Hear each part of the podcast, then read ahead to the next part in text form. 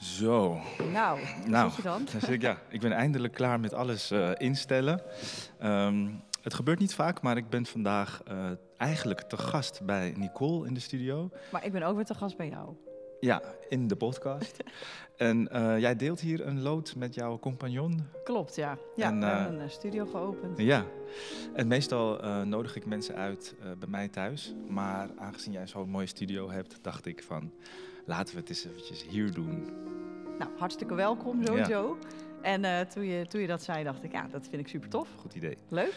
Hey Nicole, wij gaan het vandaag hebben over eh, het creëren van een samengesteld gezin. Ja, Dus deze podcast is voornamelijk voor de single moms en dads. Maar ook voor de mensen die eigenlijk aan het begin staan van het eh, creëren van een samengesteld gezin. En ehm, in mijn praktijk kom ik veel eh, mensen tegen en da- daarin gaat het over hun liefdesleven. En dat zijn eh, vaak singles die hun weg proberen te vinden in een relatie.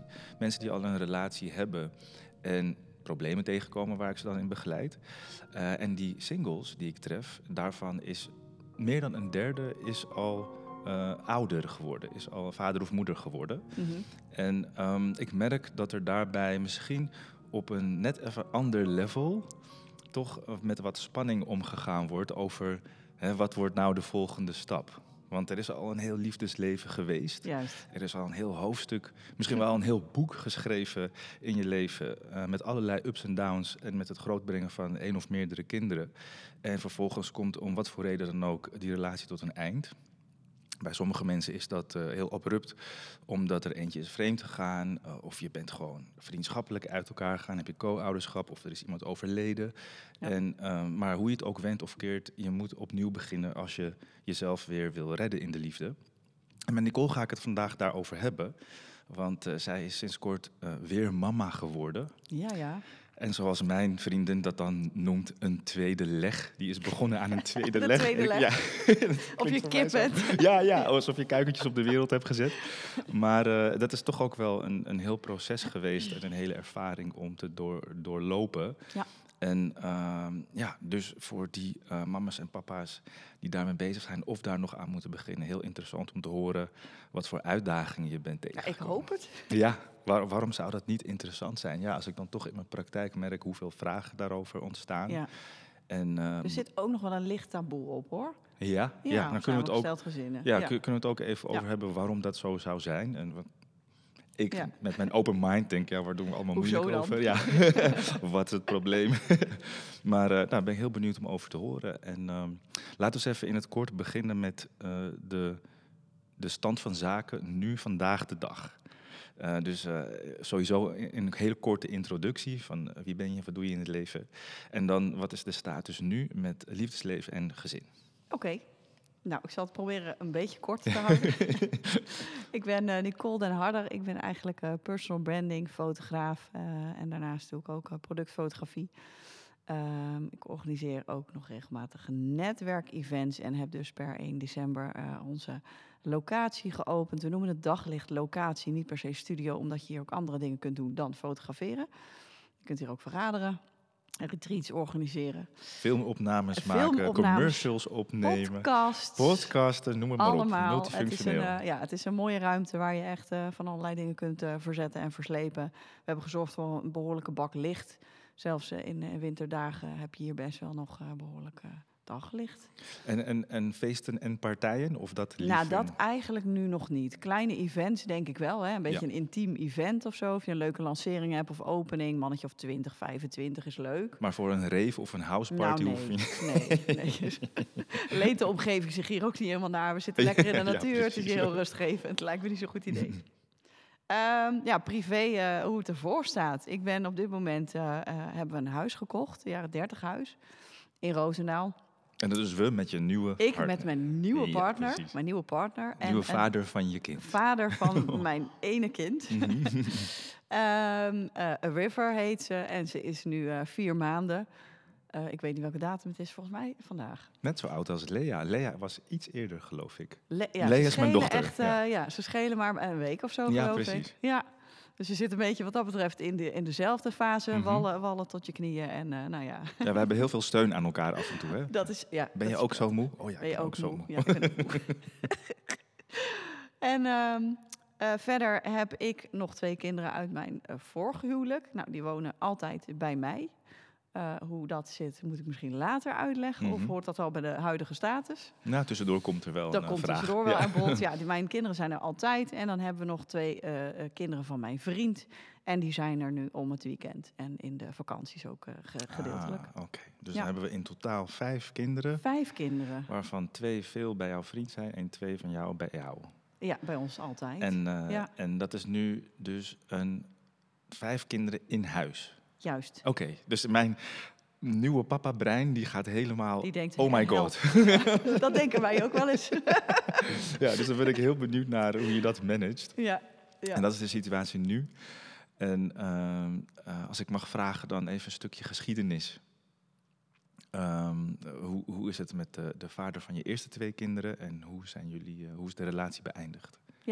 Ehm, nou, de relatie is ten eerste heel lang geleden, eigenlijk voor mijn idee echt een mensenleven geleden, beëindigd. Mhm. Ik, eh, mijn dochter was toen net geboren, ze is nu elf. Mhm. En ze was net geboren en toen zijn we uit elkaar gegaan. Ehm, mijn ex-man, dat was echt wel een ingewikkelde relatie. Het was mijn eerste relatie. Ik zat daarin toen ik eh, 17 was. Ik zeg nu, ik was gewoon nog heel erg naïef, een beetje dommig en heel erg verliefd. Ehm, die relatie was niet zozeer heel erg best. Dus er was eh, eh, vanuit hem vooral eh, veel drank in het spel, verslavingsproblemen. En dat uitte zich in allerlei ver- vervelende, rare dingen. Ehm, waardoor ik op een gegeven moment dacht: dit is niet de toekomst die ik wil voor mijn kinderen. Nou, dat is natuurlijk niet over één nacht ijs gegaan. We zijn elf jaar, denk ik, bij elkaar geweest. Dus dat is niet, niet niks. Je probeert daar je nog van alles. Hè. Je gaat, gaat kijken: valt het nog te redden? Is het nog, kunnen we hulp krijgen? Mhm. Ehm, nou ja, je hebt kinderen met elkaar. Je neemt niet voor niks ook nog een tweede kindje. Hè? Dat, die vraag krijg ik natuurlijk ook regelmatig van ja, hoe is dat dan allemaal gekomen? En dat is misschien ook wel weer interessant. Maar ehm, ja, op dat moment eh, sta je op een bepaalde manier in het leven. En je denkt op dat moment gewoon, nou, dit, dit, dit is gewoon hoe het, hoe het nu is. En Mhm. eh, je weet ook eigenlijk niet echt beter. Nu wel inmiddels, dus eh, Gelukkig. gelukkig maar.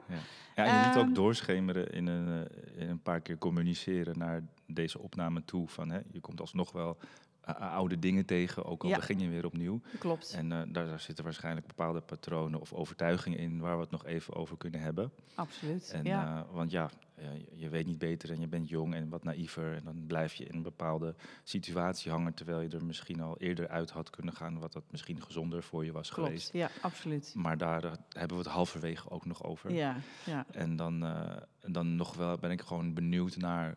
Dus die breuk die is dan geweest. En eh, je, je staat daar volledig achter, want je weet op welke manier het absoluut niet werkt. Ja. En, eh, maar dat maakt het niet minder moeilijk, want Nee. je hebt wat opgebouwd en dat geef je niet zomaar op. Hè? Juist. En ook, dat is ook wel een reden voor veel mensen om toch te blijven of Klopt. toch iets in stand te houden. Ja. Eh, hoe denk jij daarover? Nou, nu heel anders dan toen. Ik, ik denk dat je als je helemaal in je eerste echte serieuze relatie zit en je krijgt voor het eerst kinderen en vooral ook dat ook al met mijn leeftijd te maken. Ik denk als je wat ouder hier allemaal aan begint, dat je misschien al wat meer levenservaring hebt.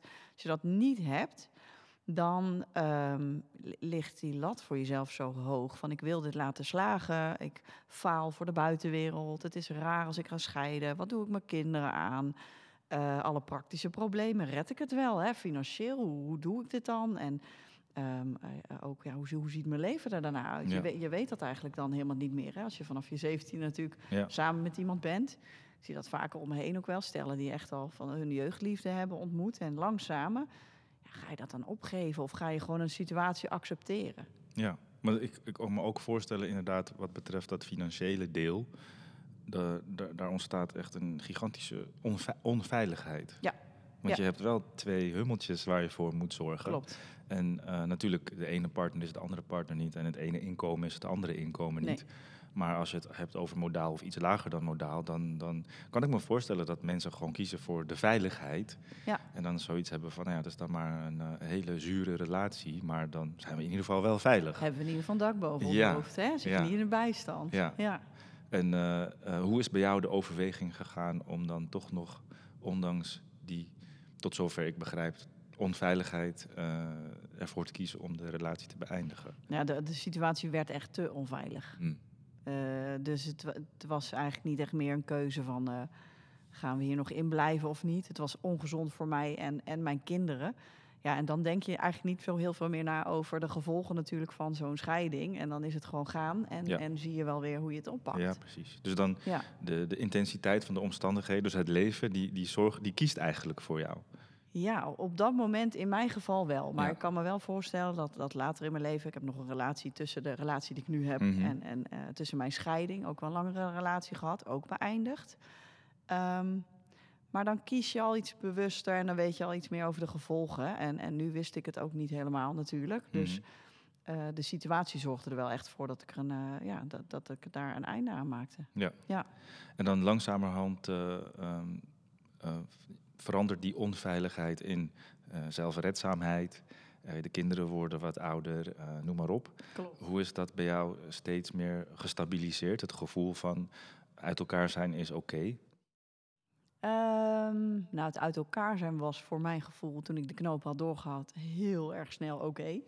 Dus dat is een dacht, opluchting. "Ah, Ja. Weet je, ik zit niet meer in die onveilige situatie. Hè? Die, die situatie was gewoon niet, niet fijn. Ehm, Wat op zich iets heel lekkers is. Dat je honderdduizend procent zeker weet dat het klaar is. Het is En echt klaar. kan je je voorstellen dat, Ja. het- dat er dan een breuk is, maar het is moeilijk. Maar oh, het is ergens toch wel zo'n fijne vent. En dat je dan... Dat is eh, lastiger, denk ja, ik ook. en dan komen al die mannen die je dan ontmoet. En ja, maar hij is niet Oh, leuker dan de vader van mijn kinderen. Oh, zo moeilijk. Ja. Dus, dus, dus ja, ik snap, ik snap dat het voor mensen die niet in zo'n hele gekke situatie zaten als ik, nog misschien wel eens lastiger is. Van wat, wa- waar leg je nou de. Ja, wat, wat is dan het eikpunt? Hè? Ja. Wat is voor de een belangrijk? Dat wil niet zeggen dat het voor de ander ook belangrijk is. Mhm. Ehm, maar ja, in mijn geval was het gewoon overduidelijk en eh, hadden mensen al veel eerder de gedachte van waarom ben je überhaupt nog bij elkaar? En achteraf denk je dat natuurlijk zelf ook. Ehm, En dan meer het pad richting meer veiligheid eh, Nou ja, creëren. Hoe is dat gegaan? uiteindelijk eh, ben ik eventjes in ons huis blijven wonen. Ja. En is mijn ex uit huis gegaan. Eh, maar we hebben ook weer gewisseld uiteindelijk. Althans, hij eh, heeft toen weer het huis overgenomen na een aantal jaar. En eh, toen moest ik eruit. Dat was allemaal vrij abrupt. Dus ik moet zeggen, in die fase na de scheiding was niet heel erg veilig. Hmm. heeft best wel lang geduurd voordat mijn leven enigszins weer een beetje gestabiliseerd was. Ja. De, de problemen met mijn ex-man waren ook niet ineens verdwenen Mm. na de scheiding. Je kunt je voorstellen, iemand die verslavingsproblemen heeft, dat dat nog best wel wat ja, dingen met zich meebrengt. Ook voor de kinderen. Ik wilde mijn kinderen veilig houden. Maar ook niet bij hun vader weg. Dus dat was een heel erg eh, zoektocht. Eh, dat heeft echt wel een paar jaar geduurd. Ja, dat is geen eh, onbezorgde co-ouderschap. Nee, het was niet van, oh, we hebben co-ouderschap, we ruzie even over het servies en over, over Ja. de, de pannen. Ja, je hebt wel echt serieuze issues. Dus ik kan er heel licht en luchtig over doen nu. Maar dat was Ja. echt heel erg moeilijk. Ja, ik wil net zeggen, als ik dit misschien acht jaar geleden met je had besproken, dan eh, was er Nou, wat meer emotie hier, eh, bij gekomen. Ja, ik kan er nu over praten alsof het bij de buren is gebeurd, Ja. zeg maar. Maar goed, het neemt niet weg dat het er nog wel een beetje kan, wel, kan en mag zitten. Ja, het ja. zit er zeker. En je vergeet, je vergeet het nooit meer. Nee. Nee. En dan vooral ook in, in het, eh, het oppakken van de draad en weer nieuwe mensen ontmoeten. Want ik kan me ook wel voorstellen dat er door al die gebeurtenissen is, ontstaat er een soort voorzichtigheid of angst. Eh, hè? Want een nieuwe partner moet wel veel gezonder zijn of rustiger zijn of veiliger zijn. Ja, in die fase zat ik in het begin niet. Ik ging echt eh, een beetje Met de gestrekt benen. Fase. ja, kijk, normaal heb je dat denk ik in je jeugd, hè, dat, dat je gaat stappen en doen. Maar die fase heb ik overgeslagen. Ja, nee, als jij 17 bent geweest en je bent samen geweest en je hebt een gezin gesticht. Ja. Dan, dan, en mijn, dan- mijn ex-man had al een kind ook. ah, Dat ook heb ik nog niet genoemd Ja. nu. Maar die had al een Nee, zoon en dan- die, eh, die was er ook gelijk bij. Dus ik werd eigenlijk op mijn zeventiende stiefmoeder voor het eerst. Ja, en, en, en toen ik daarvan los was, had ik wel in het begin echt dat ik dacht van, oh, wow. Ja, nu mag je echt. Oké, nu gaan we, maar ja, ook wel weer uit een soort wanhoop. Hoor. Het was geen gezonde fase van eh, ik ga lekker los en, ge- en ge- genieten of zo. Ook Nee, het afleiding. was echt ongezond. Ongezonde eh, ja, spanning opzoeken. ehm, kijken wat er allemaal eh, ehm, ja, in, de, in de wereld was. Maar ook een stukje eenzaamheid. En ik wil eigenlijk niet alleen zijn. En hoe moet dat eigenlijk? Hè? Dus het, er kwam in één keer van, van alles. Ja, maar het mag, het mag hand in hand gaan. Hè? Ja, dus eh, klopt. nieuwe ervaringen opdoen die Ja. je niet hebt kunnen doen met eh, Ja. het verwerken en het vermijden en het afleiden en weet ik het wat. Erkenning zoeken of weet ik het wat. Ja. ik had die fase ook wel echt, denk ik, nodig ik om weer te stabiliseren, zeg maar. Ik wil net zeggen. Uiteindelijk hou je dat niet vol, die Nee. fase. Althans, ja, sommige mensen misschien wel, ik niet.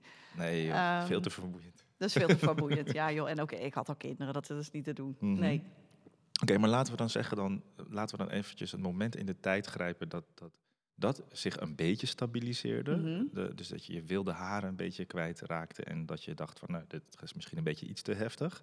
Ja. En dat je dan kijkt naar partners. Eh, ben je daar dan heel extra kritisch op of op bedacht? Of ben je dan heel erg, als je het minste van het geringste ziet, wat lijkt op gedrag wat jouw eh, eerste man vertoonde, zoiets van, oh my god, gaan we weer? Hè? Dat, dat soort dingen. Ja. Hoe, hoe heb je dat ervaren? Ja, ik denk toen ik stabiliseerde, en, en dat was wel echt met hulp. Dus ik heb ook echt wel eh, ook hulp gezocht voor mijn hele ver- verleden met mijn, mijn ex-man en alles wat ik daarin eh, tegenkwam. Eh, toen ik stabiliseerde, leerde ik wel op een andere manier weer naar mensen kijken. En, en dat niet iedereen op die manier in elkaar stak. Dus ik gaf, zei ik altijd heel stoer, ja, ik geef iedereen gewoon een nieuwe kans en iedereen is blanco. Nou, dat is natuurlijk echt gewoon niet. Want het eerste wat er dan gebeurt, wat wel ergens op lijkt, daar gaan je alarmbellen natuurlijk af. En dan, dan heb je keuzes. ja. En ehm, de eerste relatie waar ik, de echt langere relatie waar ik in terecht kwam, was ook een man met kinderen. En eh, herkende ik ook weer allerlei triggers. En toen dacht ik wel eerder, oké, dit wil ik dus niet meer. Ja, En, en waren dat reële triggers? Of Ja. waren Oké, dus dat was niet zoiets... niet op, op dat gebied, op gebied verslaving en, en dat Nee, soort maar dingen, maar wel bepaalde dingen waarvan ik dacht, het voelt voor mij ongezond. En dit is niet hoe ik het voor me zie. En Toen Ja. heb je sneller kunnen besluiten Ja. om daar een eind aan te maken. Zonder dat je het niet- gevoel had dat je aan het overreageren was, zeg maar. Nou ja, dat was ook weer heel ingewikkeld eigenlijk, want mijn ex-man overleed in de tussentijd. Ehm, en dat was eigenlijk in de fase dat ik die relatie al wilde beëindigen. Maar ja, dan zit je weer als moeder, belangen, je kinderen, ze verliezen hun papa. Hè, dat is dus een onveilige situatie. Ehm, ja, ga ik dan nu ook mijn relatie beëindigen? Want dat was hun enige andere stabiele factor. Ja, en dan ga je daar toch maar nog maar even in mee. Ja, Ja. ja, ja want je, je, doet het, je maakt dat soort keuzes niet alleen voor jezelf, maar Nee. voor het gezin wat er nog is. Ja, ik denk als je alleen bent, geen kinderen, maak je denk ik makkelijker Andere beslissingen. keuzes, Ja. Dus, dus dan, dan heb je nog ook bij kunnen dragen aan nog wel een wat veiliger gevoel dan zo'n man weer weg en de kinderen weer. wat gebeurt er Ja, eigenlijk? want je denkt wel na. Het is niet dat je alleen maar op je egoïstische zelf, Ja. het voelt niet lekker, doei. Daarvoor had ik ook, eh, ik, ik stelde niet zomaar iedereen ook aan mijn kinderen voor of zo. Nee. Nee, Dus, dus dat hij al zo ver was gekomen, was al een heel acceptatie. het was al best wel een, een proces van eh, gaan we dit doen en, eh, en, en hoe werkt dit en hoe voelt dit voor iedereen. Ja, Eh, deze meneer die je dan na je eerst, de vader van je kinderen had ontmoet, ehm, was dat voordat ik jou voor het eerst sprak of nadat? Of weet je dat niet meer? Ik heb je ongeveer drie jaar geleden sprak ik jou. nee, dat was wel al voorbij. Ja, oké, oké. Dat was al voorbij. En hoe ging dat, eh, als ik heel eventjes terug mag naar het single mama gebeuren, eh, in de praktijk? Hoe managede je als het ware de vrije tijd om te gaan daten en tijd te spenderen met een man, eh, privé, Ja. met jonge kinderen? Hoe, want ik, grappenderwijs, ja. ja? grappenderwijs spraken wij elkaar, want ik was toen als datingcoach, richtte ik me meer op single mensen en Nicole was daar eentje van. En ze zei heel grappig, ik zei... eh, waar kan ik je mee helpen wat betreft eh, het stappen maken naar een nieuwe eh, relatie of nieuwe liefde? En toen zei jij heel gekscherend, ja, ken je nog een oppas voor me? Want ik heb gewoon echt geen tijd. En, maar, maar blijkbaar Is het toch gelukt? is het toch gelukt en heb je een manier gevonden en zijn er waardevolle ja, suggesties tussen voor single mama's of papa's hoe je dat handig kan managen, echt met tijd. Ja, nou ja, ik had inderdaad echt geen tijd. Hè. Mijn ex-man was overleden. Wij hadden in de laatste fase, voordat hij overleed, wel weer een soort co-ouderschap. Dus Ja. daarvoor had ik best wel weer wat ruimte. Ah, Hè, dus dat zorgde er wel voor. Maar ja, toen had ik een relatie. Dus dat is niet de, de, de echte dateperiode. Nee. was wel eh, ja, wat meer tijd voor mezelf. Daarna had ik geen tijd. En ehm, toen dacht ik, ja, maar ja, ik ga hier niet. En dat hoor ik wel heel veel ouders zeggen. Ik ga wachten tot ik de kinderen uit huis zijn. En dan pas heb ik tijd voor mezelf. En denk, ja, misschien heb je die tijd helemaal niet. Hè, eh, tijd is ons niet allemaal cadeau gegeven. Ehm, dus je mag best wel af en toe een beetje ja, eh, egoïstisch zijn daarin. En Ja. dat, ik, vind, ik vind dat niet egoïstisch, maar andere mensen zouden dat wel als egoïstisch Mhm. kunnen zien. Eh, dus ik regelde gewoon wel, wel oppas. Of Ja. ik heb, mijn, mijn kinderen werden natuurlijk ook groter. Ehm, ik heb ook met hun wel eens overlegd van, nou, mama heeft gewoon een date vanavond. Ik neem hem niet mee, maar mama gaat wel even weg. Ja, Eh, ik moet heb hier een pizza voor jullie. Ga lekker tv kijken. Over twee uur zie je me weer. ja. En dat, is, dat vind ik dus interessant, hè, dat sommige mensen dat eh, zouden bestempelen als eh, egoïstisch. Wat ik ook me kan voorstellen eh, Ja. op een bepaalde manier.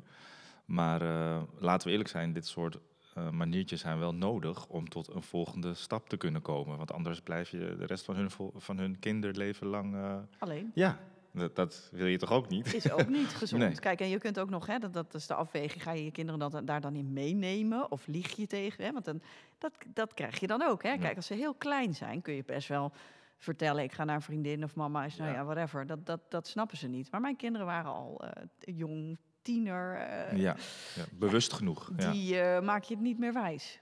Nee. Mm. Nee. Werd dat oké ontvangen door je kinderen als je dat deed? Nou, vooral op, toen het allemaal op afstand was en ze kregen er verder niet zoveel van mee, eh, wel. Ja.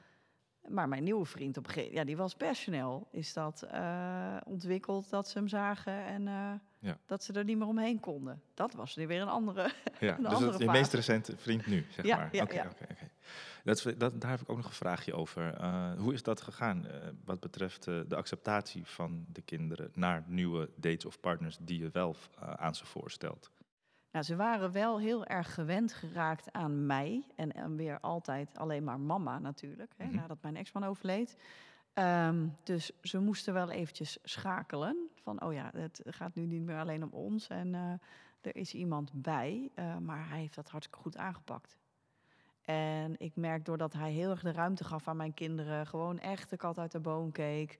En ze, hij heeft hun eigenlijk echt naar hem toe laten komen. Mm. Ook al was die er dan best veel. Want Mhm. hij was op dat moment ehm, in, in scheiding. En eh, nou ja, werd eigenlijk bijna letterlijk zijn huis uitgezet. Oh. Dus ja, dat, die situatie was niet ideaal. Dus hij is heel snel wel bij mij ook vaak geweest. Ja, ja.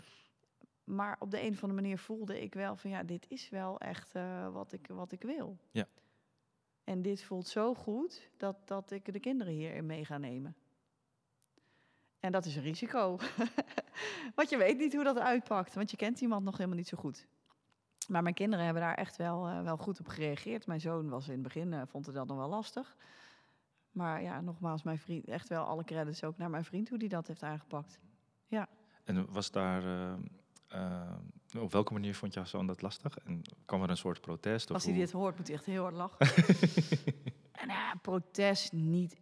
Ja, wel een beetje. In het begin wel echt een beetje mijn vriend negeren. En echt, eh, ja, een Beetje mopperen. beetje mopperen, een beetje nukkig. Wat meer gewoon op zijn kamer. En dat hij dacht, ja, jezus, wat, moet- wat moet ik hiermee? Wat moet ik hiermee? Jij bent mijn vader toch niet? Nee. Dit gaat toch niet? Hij moet zich niet bemoeien. En hij was in het begin heel erg bang. Van, hè, wat, ja, wat gaat die persoon in mijn leven eh, Ja. betekenen? Maar de, die, ik moet zeggen, die fase heeft niet zo heel erg lang geduurd. Nee. Maar het is volgens mij ook als kind best een opgave als je al eh, momenten hebt dat je rouwt om je papa. En er komen een nieuwe, er komt een nieuwe man over Ja. de vloer of je gaat verhuizen. En eh, ja, je probeert het dan zo stabiel mogelijk te creëren. Maar het was al heel erg instabiel geweest. En Klopt. dan- En, en natuurlijk ook het beëindigen van de relatie daarvoor. Daar waren ze natuurlijk ook wel aan gehecht geraakt. En, en dat heeft hem ook wel eh, niet. Ja, da- daar had hij niet zo'n goede band mee. Maar toch had hij wel zoiets van, ja, maar als ik iemand toelaat, kan ik hem ook weer verliezen. En, en dat besef, dat was vooral eh, ehm, ja, voor mijn zoon toch wel lastig. Ja. Ja. En het is dan een, een kwestie van tijd en stapje voor stapje geweest dat een, een jongere zich daar weer overheen kan zetten om weer Ja, ik denk, ik denk alleen dat je als ouder zelf, en dan niet alleen maar vriend, maar ook ik, je hebt als ouder echt wel heel veel invloed op hoe jouw kind daarmee omgaat. Mhm. Eh, ik heb eigenlijk vanaf het begin gezegd: dit is echt mama's keuze. Vertrouw op mama en als het niet goed komt, regel ik het ook. En dat, dat wi- wisten ze ook. Hè? Als, als er iets gebeurt in ons leven, dan regelt mama het wel weer. En dan komt het wel goed. En, en als je dat vertrouwen zelf geeft, kijk, je kunt er heel spastisch over gaan doen. En van, oh ja, ik doe iets stiekems of ik doe iets ja, wat misschien helemaal niet goed is. Of, of uit schuldgevoel naar je kinderen. En ik zei gewoon, dit is gewoon wat ik... Mama verdient ook geluk. Mhm. Ja. Jullie verdienen het later ook om je eigen vriendje of vriendinnetje uit te zoeken. Gaat mama ook niet, hopelijk. Je, je- mag daarin ook een voorbeeld zijn. Zich mee voor bemoeien. hè? geluk, ja. Kies voor je geluk. Ja. En want, mama eh, kiest ook voor haar geluk. En ja. als het echt een dikke pannenkoek blijkt, dan weet mama dat binnen no time ook wel weer. En dan gaan we dan weer zien. Ja, in, eh, in Amerikaans of Engelse woorden zeg, zegt men wel eens eh, put yourself first. Ja. Want als jij op een bepaalde manier steeds eh, water bij de wijn moet doen of andermans belangen aan het behartigen bent als moeder, ja, je kunt je afvragen hoe gelukkig je daar zelf van wordt op lange termijn. Hè? Misschien Klopt. op korte termijn, vooral als je een wat eh, pleaserige basis hebt om, om, om mensen tevreden te stellen. Maar op de lange termijn gaat het ten koste van jezelf en dan misschien ook van moederschap, van je omgang met de kinderen, noem maar op. Ja, en dat, dat gebeurt nog vrij veel, denk ik. Omdat mensen toch denken, ja, maar dat, dat kan toch niet? Of dat doe je toch niet? Of, Ja, en dan, nou, dan komen we op dat Ja. onderwerpje taboe. Van dat kan dan niet of dat doe je niet, of schaamte. Ja. Eh, eh, ten eerste van, wat is dan volgens jou waardoor er taboe op zit? En hoe ben jij dat aan het doorbreken voor jezelf? Ja, het taboe is vooral nog echt voor jezelf kiezen. Want dat is, ik merk toch wel de generatie van onze ouders waarschijnlijk. Daar, daarin is scheiden helemaal. Hè. De- de- je merkt ook wel dat mensen wat op latere leeftijd toch nog gaan scheiden. Ehm, dan maar er werd van- anders gekeken naar relaties. En dat zit natuurlijk wel ergens nog een beetje in ons verweven. Van ja, maar hè, je gaat niet voor niks trouwen. Je kiest voor iemand. Je belooft iemand iets. Dus moet jij je daar de rest van je leven ook gewoon aan houden. Ongeacht wat daar dan ook gebeurt. Dus uit een soort van verantwoordelijkheidsgevoel hebben mensen dan misschien de neiging om te blijven of niet willen falen? Of wat denkt de buitenwereld van Ja, ons? wat denkt dat, de buitenwereld? dat ook is- dat vooral. Hè? dat Heel is waar veel taboe mensen. over gaat, toch? Ja. Schaamte over Schaamte. wat anderen ervan vinden. Klopt. En wat, wat vinden die ervan? En die gaan er ook wat van vinden, kan ik je vertellen. Ja, wat je ook doet. Wat je ook doet, maakt niet uit welke keuze je maakt. Want als je een vreselijke vent hebt, vindt ook iedereen er iets van. Ga je erbij weg, vindt ook weer iedereen er iets Ja. van. En andersom, hè, als je een vrouw hebt, of, of nou ja, er is altijd wel een oordeel. En voor jezelf kiezen, dat, dat wordt nog steeds redelijk bestempeld als egoïstisch. Ja. Want da- daarmee kun je ook een ander pijn doen. Ja, en ik denk dat het in de basis eh, mag je er anders naar kijken. Want je benoemt het dan als voor jezelf kiezen, maar je hebt ook zoiets als eh, het juiste doen of doen wat goed is. Hè? En als het da- dan erop lijkt dat als je dat daarvoor kiest, dat je het voor jezelf kiest, ja, dat is dan maar zo. Dat is dan zo. Maar dan heb je in ieder geval gekozen wat het juist is om te doen voor, voor jou, iedereen. Ja, voor op jou. dat moment. En daarmee ook voor ja. ja. je, je kinderen of je toekomstige man of, of wie dan ook. Dus ik denk dat het een belangrijke eh, reframe is van hoe je ernaar kan kijken als je bang bent om iets verkeerds te doen. Of eh, als je bang bent dat mensen denken dat je voor jezelf eh, kiest en dat het egoïstisch is. Ehm, en wat is er voor nodig geweest als je kijkt naar het type persoon om dan iemand na zo'n toch best heftig verhaal, eh, in, de, in de hoofdstukken die je dan probeert af te sluiten, om dan iemand weer toe te laten? Want de ene man is de andere man niet. Klopt. En kun je misschien, kun je misschien een, eh, een paar ja, eigenschappen of omstandigheden benoemen waardoor het voor jou eh, prettig was of veilig voelde of dat je een gedegen keuze kon maken van dit wordt mijn nieuwe partner? Waar ik vooral eerder tegenaan ben gelopen en waar dus niet goed ging, was eh, he- hechting, hè. Ik heb jou ook in de podcast wel eens gehoord over hechting. Is echt een belangrijk thema, denken we veel te weinig over na. Ehm, en als iemand dus er niet helemaal voor ging voor mij, en ik voelde dat al een beetje, dan haakte ik eigenlijk al af. Want dan dacht ik, ja, maar ik ga niet smeken om liefde. Ik heb wel echt nodig dat iemand gewoon zegt, fuck it, jij bent het gewoon voor mij.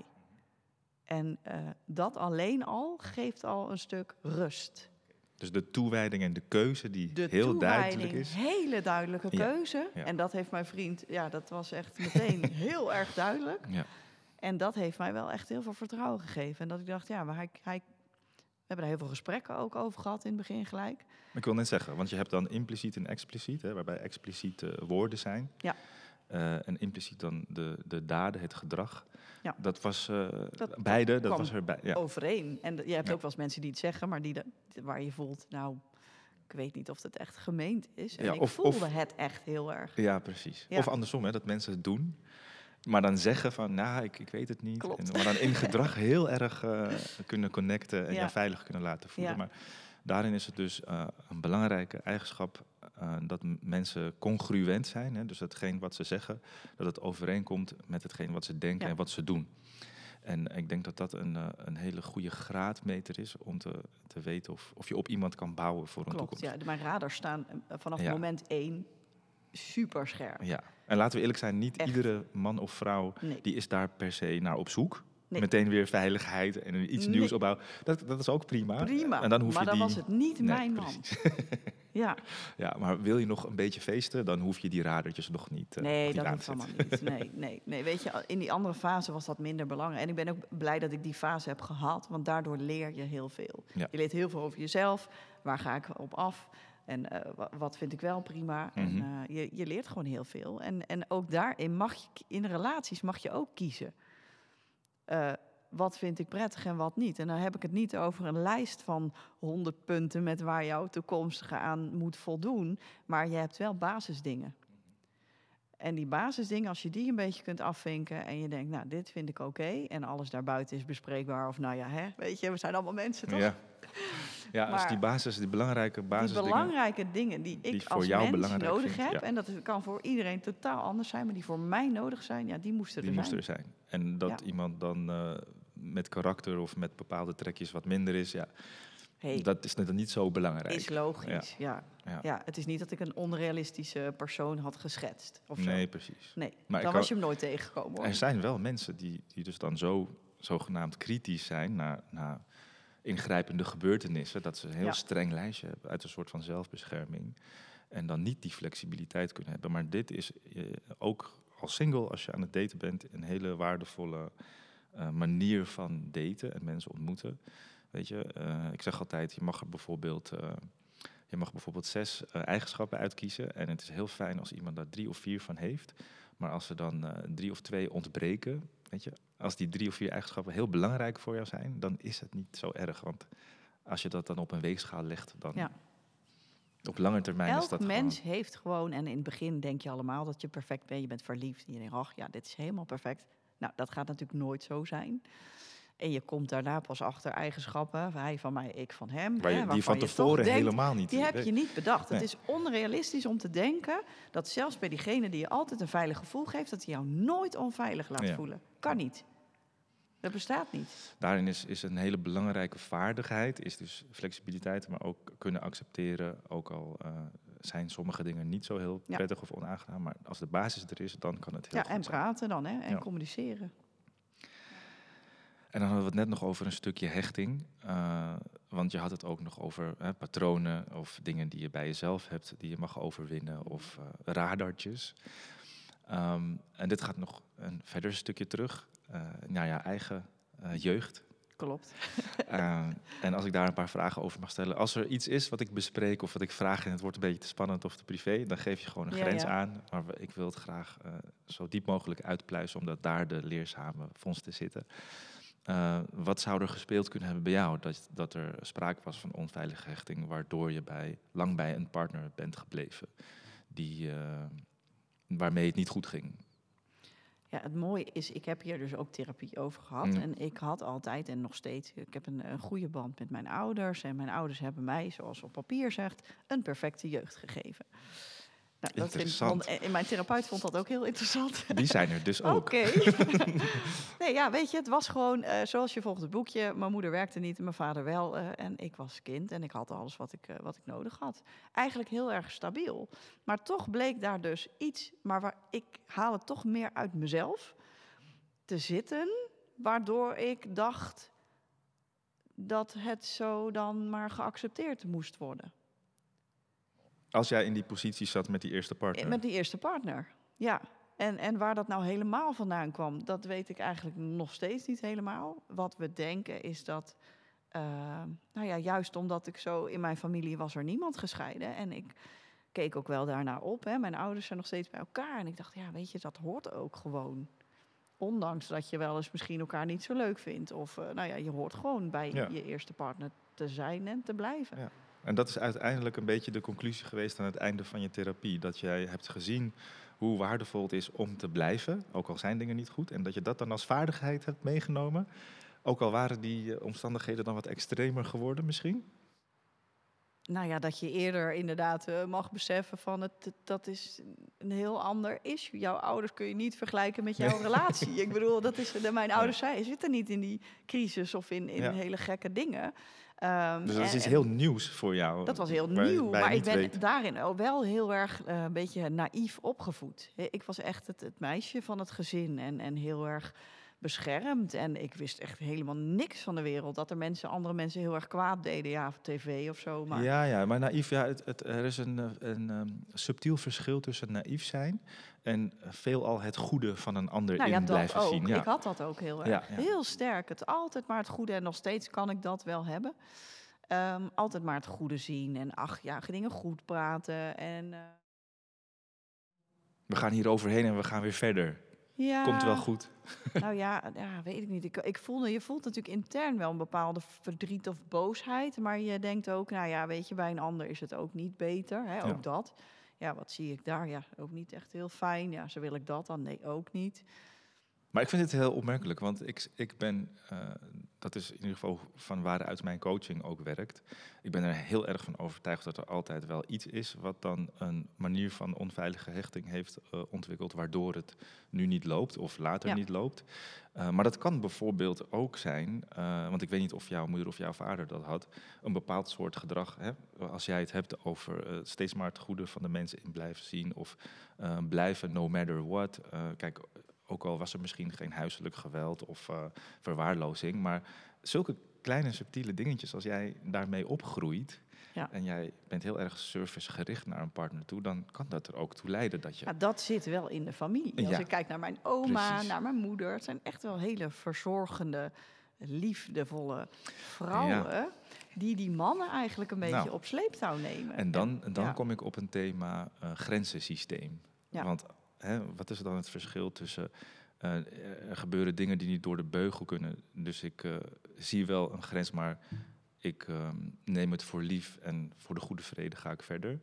En um, uh, ik ga heel bewust niet mijn grens aangeven, want ik ben bang om alleen te zijn. Alleen, of, ja. ja. ja. Dat zijn twee heel verschillende dingen. En uh, daarin zie je ook dus dat er niet per se iets ingrijpends gebeurd hoeft te zijn. Maar als jij zo'n eigenschap meekrijgt, of als jouw grenzensysteem daarmee niet, niet goed op orde is geweest, wat jij in jouw latere relaties juist wel ontwikkeld had. Ik heb mijn ouders ook nog nooit ruzie zien maken. Nee, nee. Ik kende dat niet. Ik wist dus helemaal niet hoe dat moest. Of hoe, hoe ik überhaupt kon aangeven dat ik iets niet fijn, fijn vond, of, zo. Ja, Dat, dat, ik kende dat niet. Nee, dus dan leer je ook helemaal niet zeggen... dit werkt niet voor mij. Of misschien kunnen we het beter zo doen. Of, uh, nee, dan, dan in de liefde merk je dat dan op een gegeven moment. dat klopt.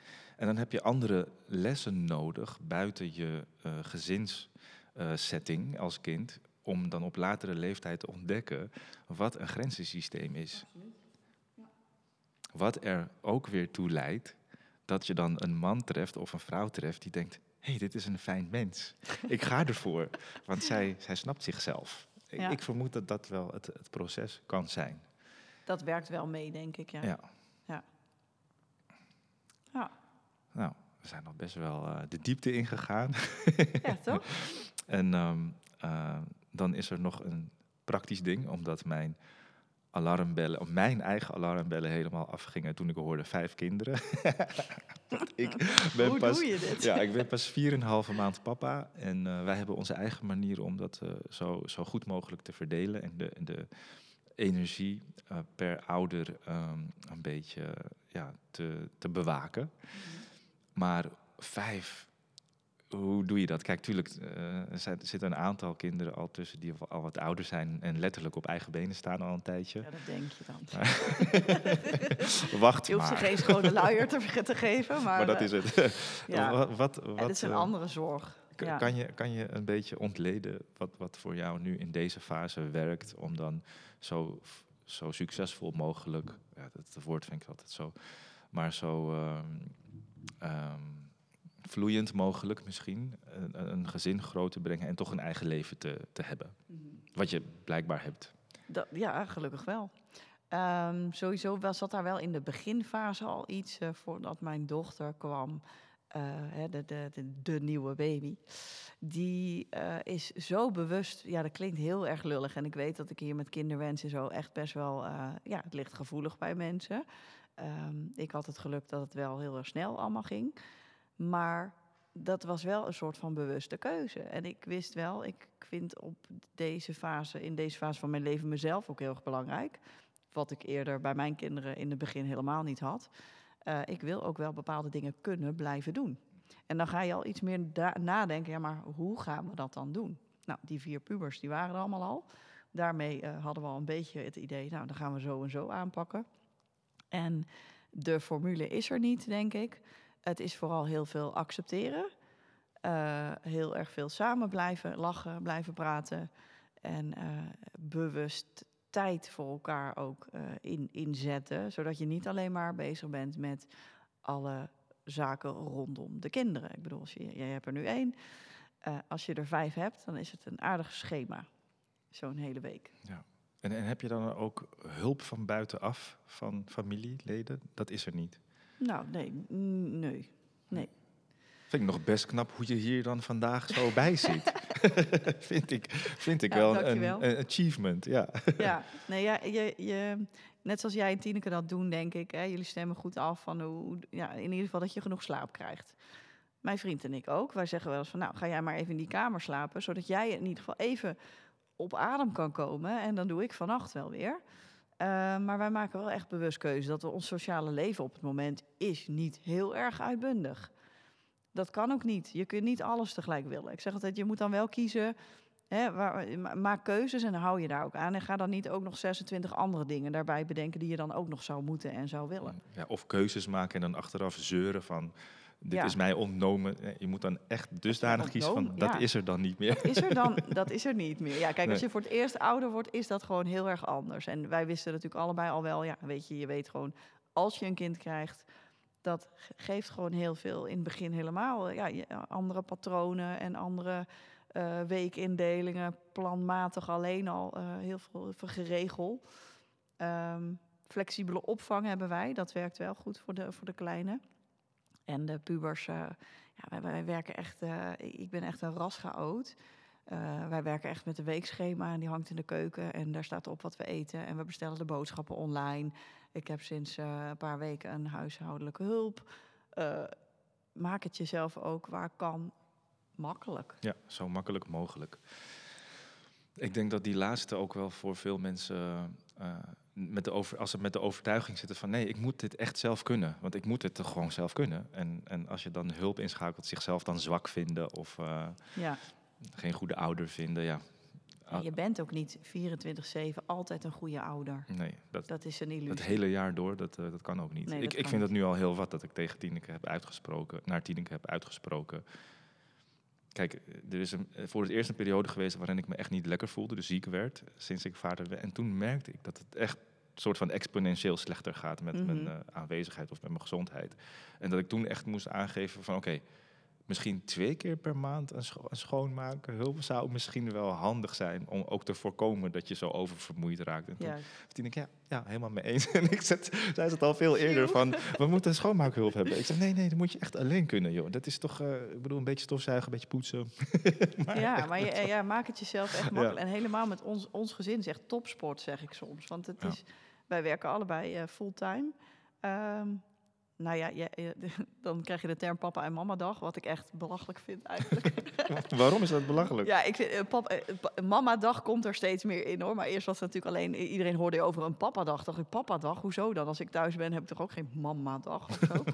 Eh, dan ben ik er gewoon. En, ehm, maar wij hebben dat samen gewoon heel goed geregeld. Mijn vriend heeft een hele flexibele nieuwe baan ook wel. Maar ehm, ja, kan, het goed, eh, kan het goed inplannen.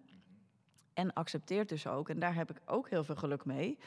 Hij zit met mijn kinderen op het moment dat ik hier nu in, in, in Beers Ja. zit. En hij moet de boel thuis regelen. Ja, moet iemand wel toe bereid zijn. Dat moet iemand Ja. willen. En kunnen met En werk. kunnen. Of, ja, keuzes met werk zijn daar ook zo belangrijk. Als jij in loondienst bent en je moet op kantoor zitten, dan, dan nou, veel succes ermee. Succes. Ja. Ja. Mijn kinderen zijn wel heel zelfstandig. Ja. Dat scheelt een hoop. Dat, dat hebben ze moeten, moeten leren, helaas ook wel. En ergens ook heel goed. Ja, die zijn wel zelfstandig. Ja. Super goed geregeld. En dan een hele eerlijke, nieuwsgierige vraag. En wat is er nu nog moeilijk? Wat is er nu nog moeilijk? Ja, ik denk toch wel ehm, ja, het samengestelde gezin op zich. Hè. Je, je combineert, daar hebben we natuurlijk nog niet zoveel over gehad. Je combineert allerlei levens met elkaar die daar niet om gevraagd hebben, omdat jij nou eenmaal verliefd bent geworden op iemand anders. Ehm, ja, dat is wel echt de uitdaging van de dag. Ja. Ja, En die levens, de- daarin worden die mensen steeds volwassener. hebben allemaal een hele eigen mening. Ja. Ja. En, en die gaan richting puberen. Nou, die En zitten er wel in. hoor. ja. En dan is het een kwestie van eh, volhouden en, en zo goed mogelijk eh, ehm, groot brengen, zodat ze zo snel mogelijk op eigen benen kunnen staan. Ja, dat, dat, dat zou je bijna denken. We zitten ook echt af en toe dagen dat we denken, oh my god, hoe lang duurt dit nog? Ehm, maar ja, die fase eh, puberteit is sowieso echt een, een best een ingewikkelde. Al heb je maar één puber in huis en wij hebben er dan eh, nu, eh, nou ja, drieënhalf. Ehm en, en dat maakt het wel soms heel erg moeilijk. Maar ik, ik denk ook daarin, ehm, mijn vriend en ik hebben zo bewust voor elkaar ook gekozen. En om deze stappen allemaal te doorlopen. Huis kopen, baby in andere, anderhalf jaar tijd hè, hebben we het over. Dit is echt eigenlijk gekke werk voor sommige mensen, denk ik. Ehm, wij hebben dat zo bewust gedaan dat we dachten, we kunnen beter in één keer alles, alles tegelijk, alle chaos in één keer. En vanuit daar, we vertrouwen op onszelf en op onze relatie, zodat we dat kunnen, eh, kunnen opbouwen. En wij denken, als wij maar lang genoeg stabiel blijven en het leuk met elkaar hebben, dus daar investeren we heel veel in, hè, heb het met elkaar leuk. Eh, want als wij elkaar nu kwijtraken, dan sodemiet het er wel een heel groot kaartenhuis in elkaar. Dus het geeft meteen een soort van stok achter de deur om actief te werken aan een fijn samen zijn. Absoluut. Ja, ja. En als ik jou dan eh, hoor een paar keer in deze podcast over dat het heel snel ging en het is gekke werk en eh, wie bedenkt dat? Ehm, ja, wat is dan je referentie als je zoiets zegt? Is dat eh, de maatschappij of de omgeving? Dat is wat ons wordt aangepraat, vooral. Maar voor jullie Ehm, allebei voelde het goed. Voor ons was dat prima. Jullie kregen op je eigen manier de kinderen mee daarin. Ja. Ja, wat is dan het probleem? Ja. Ja, en je, je kunt, kijk, en dat is de afwegingen die je maakt. Jij kunt alleen iets met je eigen gedrag en niet dat van een ander. Dus die kinderen heb je ook niet in de hand, hoe ze daarop reageren. En sommige keuzes zullen ze inderdaad nog niet steunen of niet zo heel erg blij mee zijn. Ehm, maar eh, ik, ik denk toch dat als je ze daarin blijft vertellen van ja, maar je mag keuzes maken in je leven, ook al vind je dit nu heel lastig. Jij mag nu ook een keuze maken. Ja. Jij hebt ook nu een keuze in hoe je hiermee omgaat. Ja. Of wat je, wat je doet. Of wat je uit, uitdraagt. En dat proberen we ze wel heel erg mee te geven. Naast alle andere dingen Naast die Alle andere dingen die we moeten managen. besproken vandaag. Ja. Ja, ja, dat betekent echt eh, in, eh, aan tafel bij ons, als we dan gaan eten en we eten met z'n allen, is het gewoon telefoons weg en praat met elkaar. Simpele dingen. En, en probeer ook daarin eh, dingen op te zoeken van nou, die, welke dingen vind je nou wel, wel leuk aan die ander eh, persoon die je er ineens bij hebt gekregen. Gelukkig matchen onze kinderen best oké met Mhm. elkaar. Wil ik net vragen, Ja. hoe gaat dat? Ja. Ja, dat gaat eigenlijk wel, wel goed. Kijk, ehm, zijn het dikke vrienden? Nee, dat denk ik niet. Maar ze tolereren elkaar tot op zekere hoogte heel erg goed. En ehm, nou, er zijn geen ruzies onderling. En dat scheelt wel heel erg veel. Ze accepteren wel ja, elkaar in huis. En in praktische zin, als ik even heel droog nadenk over ehm, eh, schoolreisjes en dergelijke, eh, met het samen zijn met meerdere eh, kinderen en jongeren, is er ook een soort van takenverdeling? Of, eh, want met, met, iedereen moet op een gegeven moment een steentje bijdragen, denk ik, toch? Of ben jij, Klopt. of heb je daar Ja, nog niet zo bovenop gezeten? Dit, dit is wel het feit, wacht maar tot je pubers hebt. nee, ja, je- ik heb daar heel erg bovenop gezeten. En mijn vriend ook, zegt hij met zijn, zijn kinderen. Maar ehm, ja, op een gegeven moment weten ze een bepaalde leeftijd in één keer helemaal niet meer hoe een bord in een vaatwasser moet. Of, dat is vergeten. Eh, Dus daar moet je het echt een- achteraan zitten en bovenop zitten. ja, je moet of je, je hebt eigenlijk twee keuzes. Of je bent er de hele dag mee bezig en je zit er achteraan en je zit er bovenop. Nou, daar word je zelf niet heel veel leuker van. Ik kan het al iets makkelijker loslaten. Mijn vriend zit nog in een soort acceptatiefase van, oh ja, ze zijn nu ineens wel echt monsters. Ja, het klopt. Ehm, maar loslaten is daar ook weer het woord en acceptatie van. Ja, het, het gaat niet altijd zoals je het eh, bedenkt. Hè. Ik kan nu helemaal zeggen, oh ja hoor, iedereen doet eh, netjes op maandag, doet de vuil en de hond. Het is elke dag gezeur, gesteun, gekreun. Al moet ik alweer in de vaatwasser doen, moet ik de honden laten, gadverdamme. wel. Ja, dat is het gewoon. ja, gemiddelde puber is wel zo, denk ik. Ja, dat is nog een fase waar ik misschien later nog een eh, podcast over maak. Als ik daar zelf wat meer ervaring over, mee heb. Nu Over nog, 14 eh, jaar kun je me weer uitnodigen in de pot. Hoe heb jij de puberteit overleefd? Ja. Oké, dan nog een paar laatste vragen om zo langzamerhand eh, deze opname af te ronden. Ehm, in de tijd dat, je, dat het wat onstuimiger was in je, in je herstel als, single mama, eh, wat heb je zelf gedaan of wat is er voor nodig geweest om in wat rustiger vaarwater te komen en dan weer serieus aan de slag te gaan? Heb je daar misschien nog advies over? Of eh, over het rouwproces van hè, je staat op je eigen benen met die kids, dat is, was moeilijk. Eh, wat kun je doen als eh, single mama of papa om het jezelf wat makkelijker te maken? Zoek Dus- hulp. Oh ja, ja. want Ja. jij was dan in therapie gegaan en Ja, zoek wel hulp en goede hulp. Want ik merkte wel, ehm, ik heb best wel veel therapeuten ja, uitgeprobeerd. Klinkt een beetje gek. Maar ik merkte, eh, vaak kwam ik bij jonge vrouwen terecht en die eigenlijk zelf nog weinig hadden meegemaakt. Alleen een psychologiestudie. En ik wil niet zeggen dat je daar niks leert. Maar ik had echt iemand nodig met een bepaalde ervaring en bagage. Die snapte waar ik doorheen ging. Hè, je ziet niet voor niks al in de AA en in de alcohol. eh, Ja, Mhm. als, je, als je verslaafd bent geweest, dat ex-verslaafden Ja, jou altijd, gaan helpen. Hè, want die ja. begrijpen jou. zelfs de mensen die daar ook ondersteunende functies hebben, die hebben ook iets met dat wereldje Ja, te die maken. hebben daar Ja. iets mee. En, en dat, ik denk dat dat wel een beetje nodig is om iemand ook A, serieus te nemen en ehm, dat je dingen van iemand aanneemt. En Mhm. dat diegene ook echt wel jou kan spiegelen. Ik heb hypnotherapie gehad, ben echt wel even de diepte ingegaan en was niet altijd leuk. Nee, en eng en spannend en eh, soms ja. ging het weer slechter zelfs. En soms gaat het slechter. Ja. EMDR geprobeerd. Nou, echt, echt eigenlijk wel van alles uit de kast getrokken om maar mezelf te helen. Hè? Want Ja. je denkt, nou, ik moet soort van weer heel worden. Nou, ik voor mij, ik spreek persoonlijk, je wordt niet meer heel. Eh, dat, dat is voor mij wel ge- gebleken. Misschien dat andere mensen dat heel anders ervaren, maar ik voel niet dat ik ooit nog echt helemaal op een punt kom. Wie weet gaat het ooit gebeuren, denk ik. Halleluja. Maar er is gewoon iets een beetje stuk. Nee, en daar is, daar is ook onderzoek naar gedaan. Als jij oneindig blijft doorzoeken naar eh, volledig van je problemen of je gedachten of je zorgen af te zijn, dat werkt niet. In de praktijk schijnt het zo te werken dat je een container hebt en daarin gebeuren aangename en onaangename dingen en die neem je mee als herinnering.